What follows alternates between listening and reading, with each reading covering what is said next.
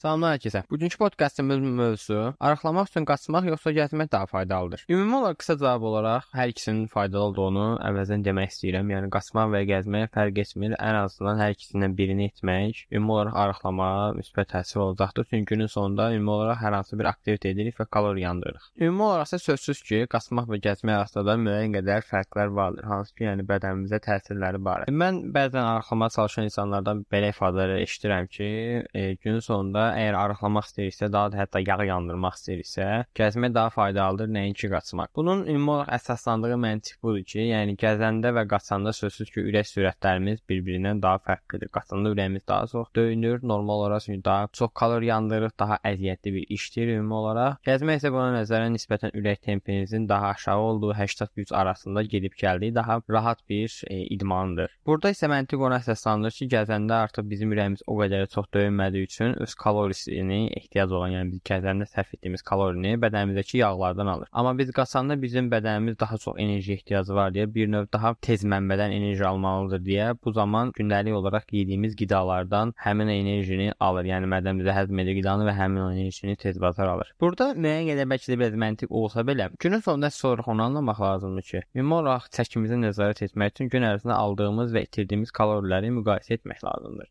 Yəni arıqlamaq istəyirsə yediyimizdən bir növ daha çox kalori sərf etməliyik. Əgər kökəlmək istəyiriksə, daha az kalori sərf edib daha çox qida qəbul etməliyik. Və məsələ də belə olduğu halda günün sonunda işinizi etməyimiz o qədər də bir şey təsir etmir. Yəni biz gəzmişik yoxsa qaçmışıq. Günün sonunda əsas olan ümumi olaraq cəmdən etimizdir. Hətta əslində buna daha arıqlama və uzun kökəlmə, ümumi olaraq çəkimizin nəzarəti çox daha uzun müddətdə bölməyə hər zaman ona görə məsləhət görünür. Yəni bir günlük nəticə ilə heç bir şey əldə etmək olmur. Ən azından çox vaxt kalori qəbulu belə həftəlik olaraq hesablanır. Yəni həftəlik olaraq bu qədər kalori yeməliyəm, sonra onu həftənin günlərini bölürük və müəyyən bir rəqəm alırıq və ümumi olaraq aktivlik də günün sonunda bir çoxumuz böyük ehtimalla əgər idmanla məşğul olursa belə və idman zallarına gediriksə belə həftədə 3 dəfə ya da 4 dəfə gedirik. Amma gündəlik olaraq yeməli olduğumuz kalori hər zaman stabil qalır. Çünki məşqdə həmin gün daha çox kalori sərf edirik, amma digər günlərdə daha az kalori sərf edirik. Amma məşqdə həmin o bərpa etməliyik deyə bir növ həftəlik olaraq götürdükdə hər şey öz balansını gəlib dur və həftəlik olaraq defisit yaradırıq və ya əgər məqsədimiz kökəlməkdirsə,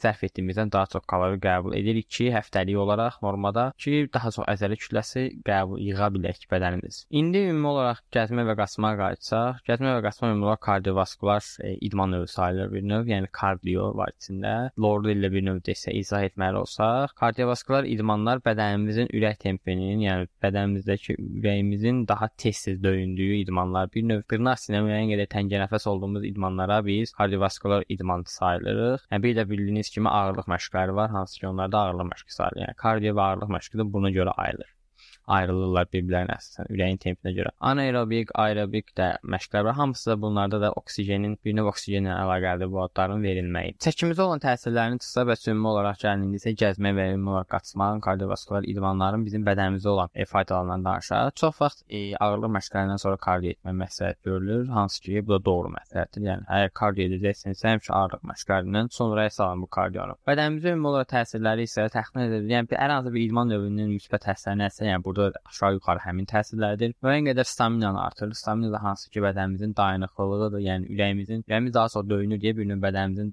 daha uzun müddətli stress altında qalmağına, yəni dayanıqlılığına faydası olur. Buna başqa ürəyimizi bir növ gücləndirir, e, immunitetimizi də gücləndirir hər zaman həmçinin. Dediyim kimi, yəni ümumi olaraq əgər bir idmandan bizə verdiyi faydaların hər birini həm qaçmaqla, həm də gəzməklə əldə edə bilərik. Ümumi olaraq gəzmək addımla əgər saysaq məsəl üçün təxminən ortalama olaraq bir günə nə qədər gəzməliyik sualına belə cavab vermək olar ki, gün ərzində 8000 12000 arası addım atmaq və üstəlik olaraq həftədə 3-4 dəfə ağırlıq məşq etmək ümumi olaraq bir insanın həftəlik olaraq e, aktivliyini tam qane edir. Yəni gün ərzində təxminən 10 min addım atın və həftədə 3-4 dəfə idman etsəniz, e, günün sonunda böyük ehtimalla təxmin e, müəyyən bir zamandan sonra e, istədiyiniz görünüşə, istədiyiniz bədən quruluşuna sahib ola bilərsiniz. Söz ki, bu da qidalanma və bir çox da digər faktorlar var. Ən azından idman hissəsində e, yəni bunları etmək e, böyük ölçüdə hər birimiz üçün e, kifayət olacaqdır. Ümumi olaraq yekunlaşdırsaq, olaraq e, hansının birindən digərindən daha yaxşı olduğunu demək tamamilə individualdır. Çünki məsəl üçün ümumi olaraq əgər vaxtınız azdırsa, sözsüz ki, qaçış etmək sizi daha qısa müddətdə daha çox kalori yandırmağınıza kömək edəcək deyə zaman olaraq qaçmaq, e, gəzmək nəzərən daha sərf edir. Amma burada da qaçanda da həm daha çox təhlil edəcəksiniz, həm də daha çox ürəyiniz daha tez-tez döyünəcək, müəyyən qədər ürək problemləriniz varsa və ya da ürəyinizin çox döyməyinə sizə pis narahatlıq verirsə, e, bunu da zamanda siz gəzmək sizin üçün daha faydalıdır. Yəni bu tip şeyləri nəzərə alaraq hansının sizin üçün daha yaxşı olduğunu özünüz seçməlisiniz. Amma günün sonunda hər ikisinin verdiyi fayda eyni şeyə gəlib çıxır. Yəni arıqlamaqsa da, arıqlamaq üçün də, ümumi olaraq sağlamlıq üçün də hər ikisindən görəcəyiniz fayda eynidir. Sadəcə bir onların hər birinə sərf edəcəyiniz zaman bir qeyd etdiyim kimi fərqli olacaq. Ümumi olaraq, yəni 10 min addımı gəzərək sözsüz ki, daha çox zaman sərf edəcəksiniz, amma qaçaraq həmin şeyi çox daha qısa müddətdə e, 10 min addım ata bilərsiniz məsəl üçün. Bu epizodumuzdan da bu qədər. Bəs siz necə ümumi olaraq gün ərzində addımlarınızı sayırsınız və ümumi olaraq e, yeni texnologiyanın gətirdiyim məsəl üçün ağıllı saatlar, bəndlər və sairələr də həmçinin telefonlarda belə artıq addım sayarlar var. Hamıda çox insanlar məncə istifadə edir bundan, ən azından telefondan. Ümumi olaraq addımları sayırsınızmı və ümumi olaraq gün ərzində təxminən nə qədər addım atırsınız bunu Instagramda və Facebookda postlarımızın altında qeyd etməyi unutmayın. Özünüzə yaxşı baxın. Görüşənədək.